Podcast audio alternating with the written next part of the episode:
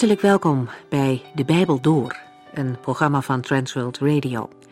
De Bijbel Door is een radioserie die u in vijf jaar meeneemt door de hele Bijbel. Van Genesis 1 tot Openbaring 22.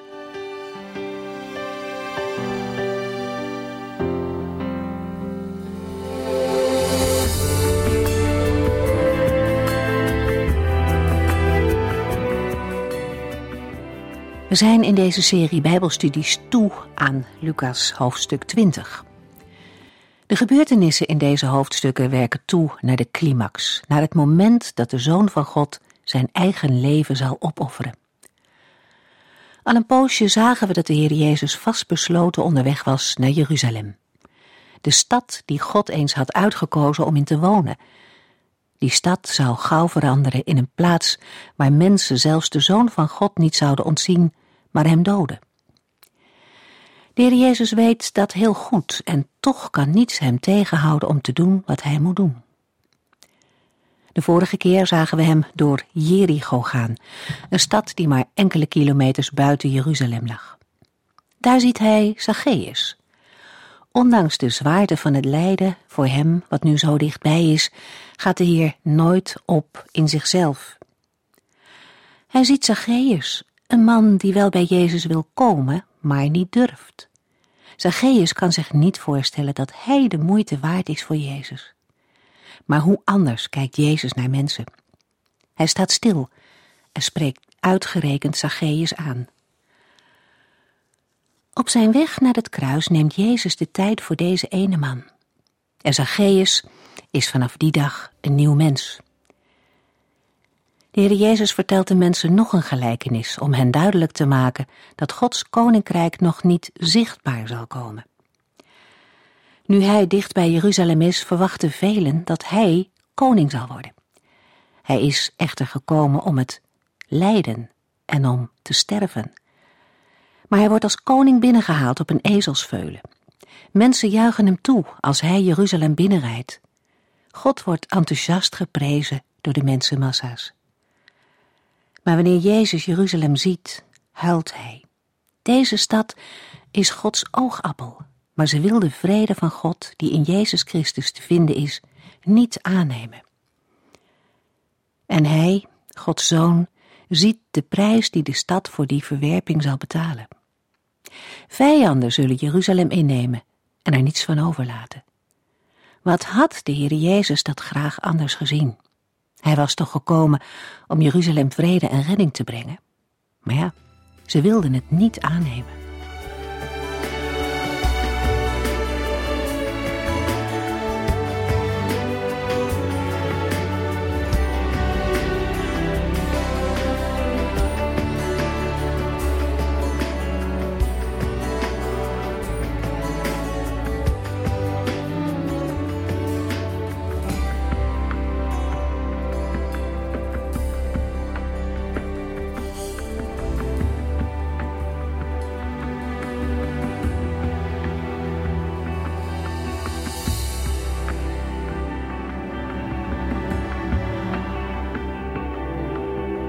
In Lucas 20 vinden we de Heer Jezus in de tempel.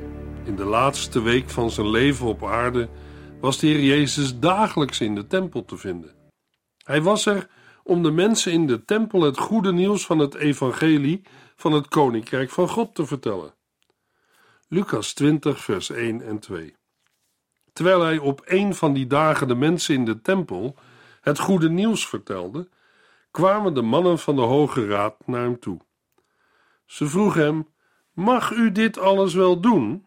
Wie heeft u daar de bevoegdheid voor gegeven? Terwijl Jezus in de tempel het evangelie vertelt, komen er een aantal mannen van de Hoge Raad naar voren. Zij vormden een afvaardiging van het Sanhedrin, die bestond uit overpriesters, bijbelgeleerden en oudsten. De overpriesters behoorden hoofdzakelijk tot de richting van de Sadduceeën. Ze hadden de meeste invloed binnen het Sanhedrin en worden meestal het eerst genoemd. De Bijbelgeleerden waren voornamelijk Fariseeën. Zij hadden veel meer invloed op het volk dan de Sadduceeën. De oudste in het Sanhedrin vertegenwoordigen de voorname en rijke Joodse families in Jeruzalem. Lucas 20, vers 3 en 4. Ik heb eerst een vraag voor u, antwoordde hij. Van wie kreeg Johannes de bevoegdheid om te dopen? Van God of van de mensen? Jezus gebruikt de Joodse methode door een vraag met een wedervraag te beantwoorden. Trouwens, dat deden bijvoorbeeld de Grieken ook, met name Socrates. Het was een vraag die de godsdienstige leiders niet konden beantwoorden zonder zichzelf te veroordelen. Ze moesten de vraag eerst onderling bespreken om over een antwoord te beslissen. De vraag naar de bevoegdheid van Jezus had hen al van het begin van zijn optreden bezig gehouden. Lucas 5. Nu stellen ze deze vraag rechtstreeks aan hem. Met mag u dit alles wel doen, zullen ze de tempelreiniging bedoeld hebben en ook het onderwijs van de Heer Jezus in de tempel. Ze waren verbaasd over wat hij hun leerde, want hij sprak als iemand met gezag, die wist waarover hij het had. Lucas 4, vers 32. De afvaardiging vraagt Jezus naar de aard van zijn gezag. Ze denken: hoe durft hij deze dingen te doen? Wie denkt hij dat hij is? Het reinigen van de tempel was een zeer ingrijpende daad.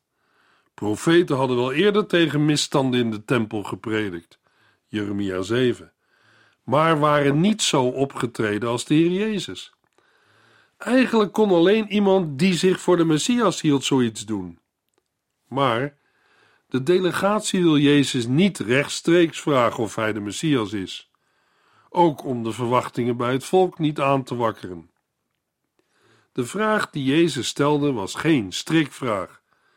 Hij vraagt hun naar de bevoegdheid van Johannes de Doper, omdat de bediening van Johannes zo nauw verbonden was met zijn eigen bediening. Wie de een gelooft, moet de ander ook geloven. De doop van Johannes de Doper vat heel zijn bediening samen. Het was de doop der bekering tot vergeving van zonden. Lucas 3, vers 3. Daarna trok hij, Johannes de Doper, de hele Jordaanvallei door en riep de mensen op zich tot God te bekeren. Door zich te laten dopen, konden zij tonen dat zij dat echt wilden. Hun zonden zouden dan ook worden vergeven. Met de doop van Johannes gedoopt zijn, is hetzelfde als zijn boodschap aannemen. In Lucas 7, vers 29 en 30 hebben we gelezen: Allen die Johannes hoorden, zelfs de tolontvangers, hebben erkend dat Gods eisen juist waren en lieten zich dopen. Behalve de Fariseeën en Bijbelgeleerden, die keurden het plan van God af en wilden zich niet door Johannes laten dopen. De doop van Johannes was bekend. Veel mensen waren erbij geweest. In de vraag van Jezus gaat het er nu om: is de doop van Johannes de Doper in opdracht van de Heere God, of is het idee van Johannes de Doper zelf? Lucas 20, vers 5 tot en met 8. Ze bespraken deze vraag onderling en zeiden tegen elkaar: Als we zeggen dat God hem die bevoegdheid had gegeven, zetten we onszelf klem. Want dan zal hij vragen: Waarom hebt u hem dan niet geloofd? Maar als we zeggen dat mensen hem die bevoegdheid hadden gegeven, zal het volk ons vermoorden, want dat is ervan overtuigd dat Johannes een profeet was. Ten slotte zeiden ze dat ze het niet wisten. Jezus antwoordde erop: Dan geef ik ook geen antwoord op uw vraag. De Joodse leiders weten dat, wanneer ze zeggen zijn bevoegdheid komt van God, dan zal Jezus reageren met de vraag: Waarom hebt u hem dan niet geloofd? Met andere woorden, waarom hebt u dan niet geloofd dat hij door God gezonden is en zijn boodschap niet aangenomen als Gods woord? In Johannes geloven betekent dan ook gehoor geven aan zijn boodschap. Dat wil zeggen, zich bekeren en zich laten dopen. Maar we hebben net gelezen in Lucas 7 de Fariseeën en de Bijbelgeleerden keurden het plan van God af en wilden zich niet door Johannes laten dopen. Hadden ze wel naar Johannes geluisterd, dan hadden ze ook zijn getuigenis met betrekking tot de Heer Jezus aangenomen. Lucas 3, vers 16.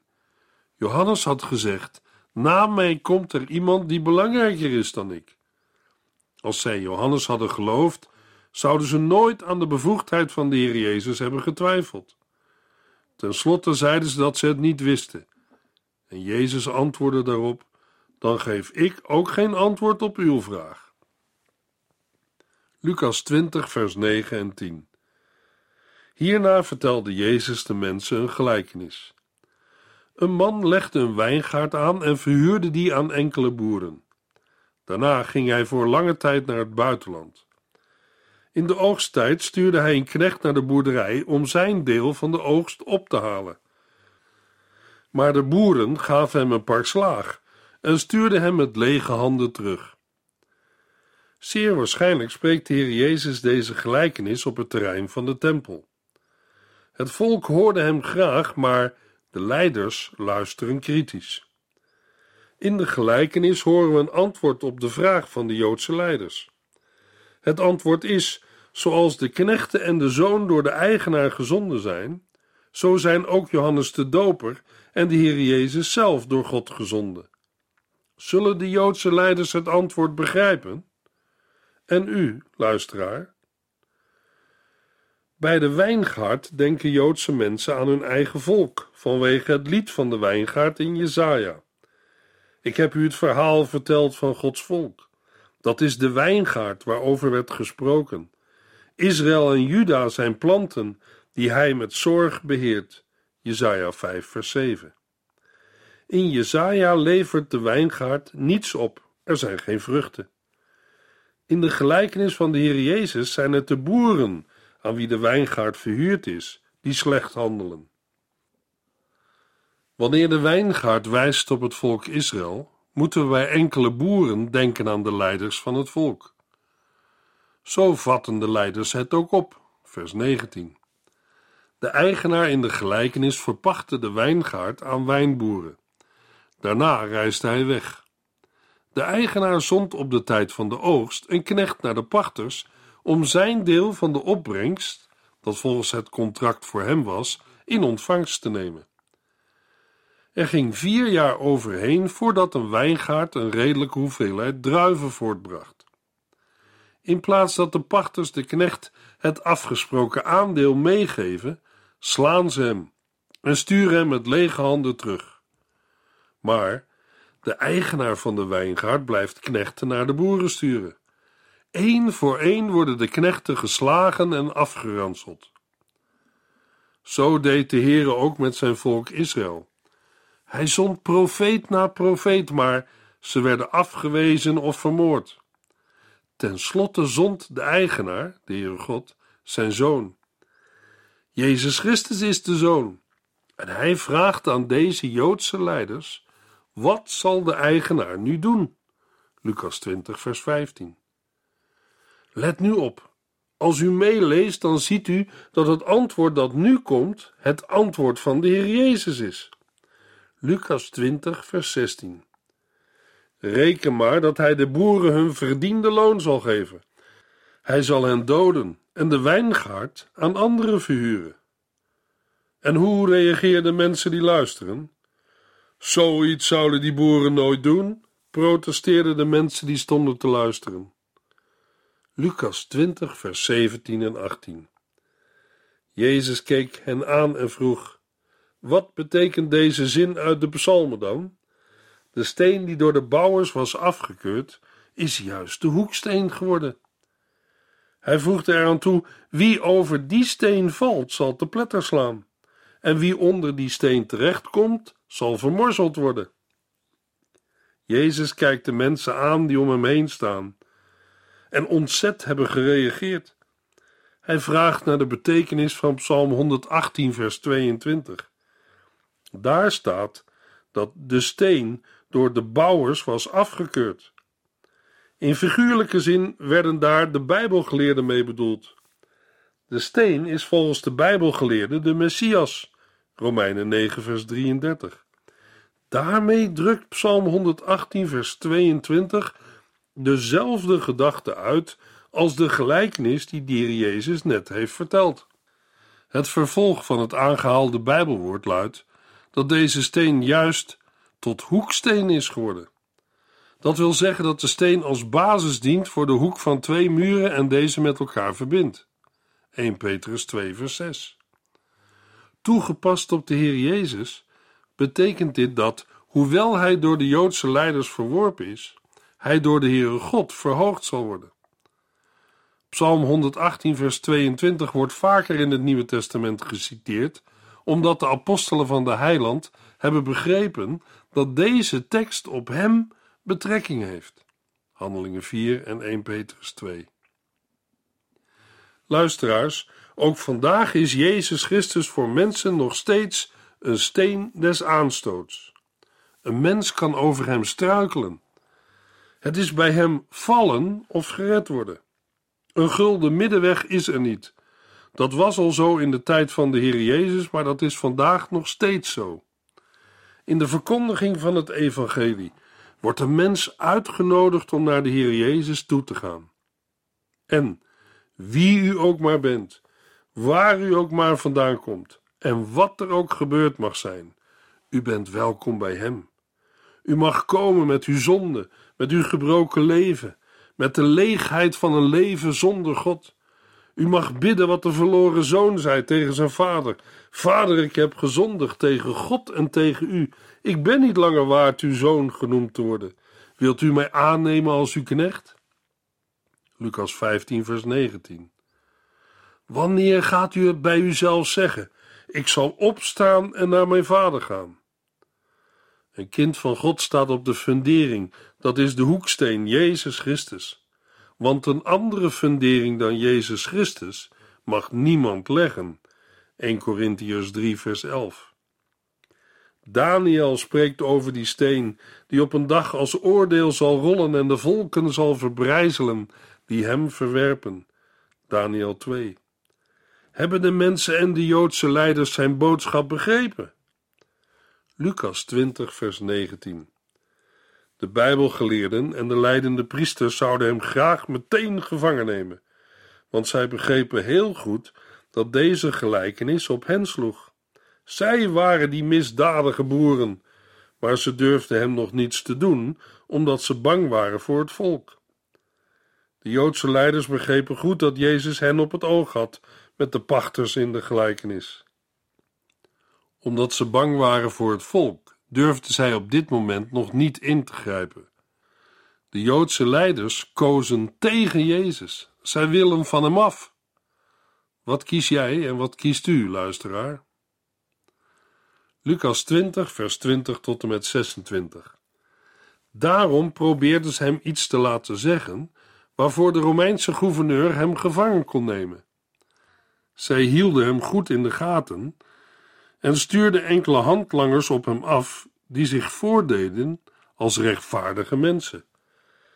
Meester, zeiden die tegen Jezus, wij weten dat u eerlijk bent. Wat u de mensen leert, is de waarheid. U laat zich niet beïnvloeden door wat anderen denken, maar zegt ronduit wat God wil. Is het toegestaan de keizer belasting te betalen of niet? Hij had hen echter door en zei: Laat me eens een geldstuk zien. Wiens afbeelding staat erop? Van de Romeinse keizer, antwoordde zij. Welnu, zei hij, geef dan aan de keizer wat van de keizer is, en aan God wat van God is. Daar wisten ze niets op te zeggen. Hun plan om hem in het bijzijn van de mensen op een woord te vangen, was op niets uitgelopen.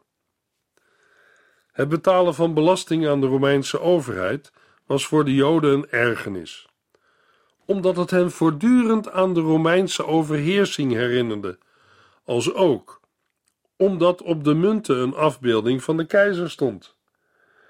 De Fariseeën hadden principiële bezwaren tegen het betalen van deze belasting, maar vonden het in de praktijk toch verstandiger om aan de eisen van de Romeinen te voldoen. De Zeloten beantwoordden deze vraag met een volmondig nee. De vraagstellers hopen dat de Heer Jezus ook zo'n antwoord zal geven, zodat ze hem kunnen uitleveren aan Pilatus. Maar Jezus doorziet de valstrik. Overal waar de Romeinen hun heerschappij vestigden, werden de mensen gedwongen ook Romeins geld te gebruiken. De denarius was een zilveren Romeinse munt met aan de ene zijde een afbeelding van het hoofd van de keizer, gekroond met een lauwerkrans, en met het opschrift Tiberias Caesar, zoon van de vergoddelijkte Augustus. Op de andere zijde stond een afbeelding van de moeder van de keizer als de verschijning van de godin Pax, vrede, met het opschrift Pontifex Maximus, opperpriester. Voor de Joden waren deze opschriften godslastelijk. In zijn antwoord zegt Jezus dat de keizer moet gegeven worden wat hem toekomt, maar niet datgene wat alleen God toekomt. Elke goddelijke pretentie van de keizer en elke vorm van godsdienstig eerbetoon aan de staat wijst Jezus daarmee af. Terwijl de keizer recht heeft op iemands belastinggeld, heeft God recht op de hele persoon. De mens is immers naar zijn beeld geschapen. Jezus spreekt zich niet tegen de keizer uit, maar plaatst de keizer tegen de achtergrond van het hogere gezag van God. De handlangers van de Joodse leiders wisten niet hoe ze hierop moesten reageren en zwijgen. Lucas 20, vers 27 en 28. Wat later kwamen enkele Sadduceeën naar hem toe. Volgens hun leer bestaat er geen opstanding uit de dood. Meester, zeiden ze, in de boeken van Mozes staat: als een getrouwde man sterft zonder kinderen na te laten, moet zijn broer met de weduwe trouwen. Die kan er dan voor zorgen dat zijn overleden broer toch nageslacht krijgt. Deze instelling kunt u lezen in Deuteronomium 25 en de uitvoering ervan in het Bijbelboek Rut. Lucas 20, vers 29 tot en met 38. Nu weten wij van een familie met zeven broers. De oudste trouwde en stierf zonder kinderen na te laten. Zijn broer trouwde met de weduwe en hij stierf ook. Er waren nog steeds geen kinderen. En zo ging het verder. De een na de ander trouwde met de vrouw en stierf zonder kinderen na te laten. Ten slotte stierf de vrouw ook. Nu is onze vraag: wie zal bij de opstanding uit de dood haar man zijn? Want ze is met alle zeven getrouwd geweest. Jezus antwoordde: Trouwen is iets voor de mensen van deze wereld. Maar de mensen die het waard zijn in Gods nieuwe wereld te komen, zullen opstaan uit de dood. In die nieuwe wereld zullen zij niet meer trouwen. Zij kunnen niet meer sterven. Wat dat betreft lijken zij op de engelen. Ze zijn kinderen van God, kinderen die uit de dood zijn opgestaan. Dat de doden weer levend worden staat overigens duidelijk in de boeken van Mozes. Als hij vertelt hoe hij God in die brandende braamstruik zag, spreekt hij over de God van Abraham, de God van Isaac en de God van Jacob. De Heer is niet een God van doden, maar van levenden. God beschouwt iedereen als levend. De Joden in de tijd van de Heere geloofden in grote meerderheid in de opstanding. Zij vonden het vanzelfsprekend dat het huwelijksleven zich na de opstanding zou voortzetten. De Sadduceeën willen nu met dit voorbeeld laten zien hoe ongeloofwaardig de gedachte van de opstanding van de dood is. Ze besluiten hun verhaal met de vraag van wie van de zeven broers deze vrouw de echtgenote zal worden in de opstanding. In die nieuwe wereld zullen zij niet meer trouwen. Ze kunnen niet meer sterven. Wat dat betreft lijken ze op de engelen. Ze zijn kinderen van God, kinderen die uit de dood zijn opgestaan. Door naar de engelen te verwijzen, laat Jezus de Sadduceeën weten dat hun leer dat er geen engelen bestaan, Handelingen 23, ook een dwaling is. Daarnaast wijst hij erop dat ook Mozes, zijn gezag wordt door de Sadduceeën erkend, kenbaar gemaakt heeft dat de doden opgewekt worden. Het is interessant dat er in de Bijbel geen melding wordt gemaakt van een Sadduceer die tot Christus kwam voor redding. Nicodemus, een Fariseer, werd bekeerd. In Handelingen 6, vers 7 lezen we: Ook veel priesters gaven gehoor aan de oproep in Jezus te gaan geloven. Maar nergens vinden we in de Bijbel een verslag van de bekering van een Sadduceër. Lucas 20, vers 39 tot en met 47. Dat heb u goed gezegd, meester, merkte een Bijbelgeleerde op. Van toen af durfde niemand Jezus nog iets te vragen. Daarna had hij een vraag voor hen. Waarom wordt gezegd dat de Christus rechtstreeks van David zal afstammen? Want David schreef in een van zijn psalmen: God zei tegen mijn Heere: Kom naast mij zitten, aan mijn rechterhand, totdat ik uw vijanden aan u onderworpen heb. Hoe kan de Christus nu Davids zoon zijn en tegelijk zijn Heere? Alle omstanders konden het horen toen hij tegen zijn leerlingen zei: Ik waarschuw jullie voor de Bijbelgeleerden. Ze vinden het heerlijk om in deftige gewaden rond te lopen en op straat eerbiedig te worden gegroet. Zij hechten er veel waarde aan in de synagogen en bij de feestmaaltijden op de voornaamste plaatsen te zitten. Maar houd ze in de gaten, ze maken de weduwe zelfs hun huis afhandig. En voor de vrome schijn zeggen ze lange gebeden op. De straf die zij krijgen zal daarom zwaarder zijn. Jezus wil met deze vraag niet zeggen dat de Messias geen zoon van David kan zijn. Dat de Messias uit het geslacht van David zou komen, blijkt duidelijk uit het Oude Testament en geldt ook van Jezus. De strekking van zijn vraag is: is het niet wonderlijk dat David een nazaat van hem Heer noemt? Dat zei men alleen tegen een hoger geplaatste. Een zoon kon zijn vader zo aanspreken, maar een vader zou nooit zijn zoon zo aanspreken. Waarom doet David dat dan wel? De Heer Jezus citeert uit Psalm 110. Daarmee wil hij zijn tegenstanders laten zien dat de verwachting van een aardse koning uit het geslacht van David ontoereikend is, omdat het Oude Testament een Messias aankondigt van een hogere orde dan koning David. In de volgende uitzending lezen we Lucas 21.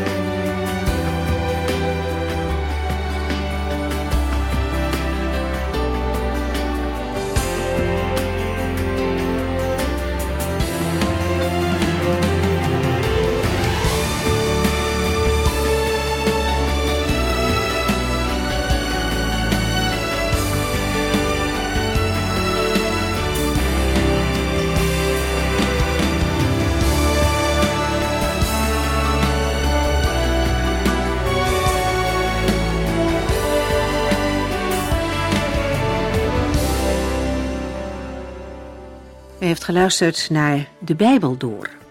In het Nederlands vertaald en bewerkt door Transworld Radio. Een programma waarin we in vijf jaar tijd de hele Bijbel doorgaan. Als u wilt reageren op deze uitzending of u heeft vragen, dan kunt u contact met ons opnemen. Tijdens kantooruren kunt u bellen op 0342 47 8432. 0342 47 8432. 32. Ook kunt u een e-mail sturen naar de Bijbel door transworldradio.nl en natuurlijk kunt u ook via de post ons bereiken. TWR, postbus 371, postcode 3770, AJ in Barneveld. Dit programma werd gepresenteerd door Cor Weda en Ike André. Techniek was in handen van Odin van Woerdekom. En wij allemaal bedanken u voor het luisteren. Graag tot de volgende keer.